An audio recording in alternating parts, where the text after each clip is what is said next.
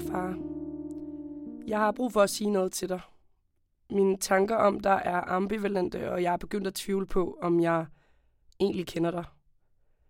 Når jeg tænker tilbage på min barndom med dig, viste du mig to sider af dig selv.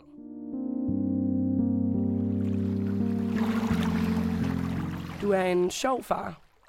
Vi er ude og snorkle, bare os to. Og vi kigger på alle de flotte koraller og fisk, som du viser mig.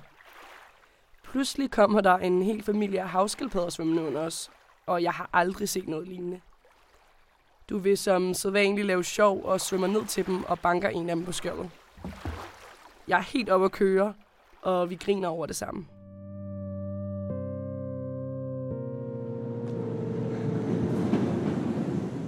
Jeg står og venter på stationen. Vi skal fejre min fødselsdag, og vi har aftalt, at vi skal mødes for at finde en gave til mig. Allerede da du kommer gående fra toget, kan jeg tydeligt se, at det er endnu en af de dage. Dit blik er helt fjernt, og du kan ikke gå lige.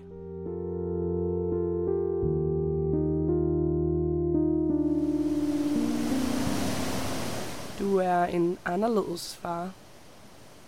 Vi er på færgen på vej til Helsingborg, for at øh, du kan købe billig snus. Jeg elsker at høre dig tale svensk.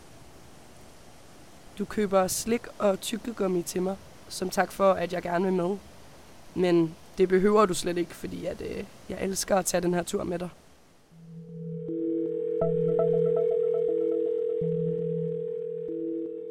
Det er det femte opkald i træk fra hemmeligt nummer. Jeg ved jo godt, det er dig. Jeg gider ikke at tage telefonen, fordi jeg ved godt, at du er fuld og bare gerne vil fortælle mig, at jeg er en dårlig datter. Du vælger så at skrive det til mig i stedet, og endnu en gang har du ødelagt min dag. Far, hvem var du? Jeg har billeder af dig i mit hoved, som jeg både vil huske og glemme. Jeg vil ønske, at jeg kunne tale med dig om det og høre din side af historien. Men det kan jeg ikke, fordi at du er død nu. Så hvordan skal jeg tænke på dig?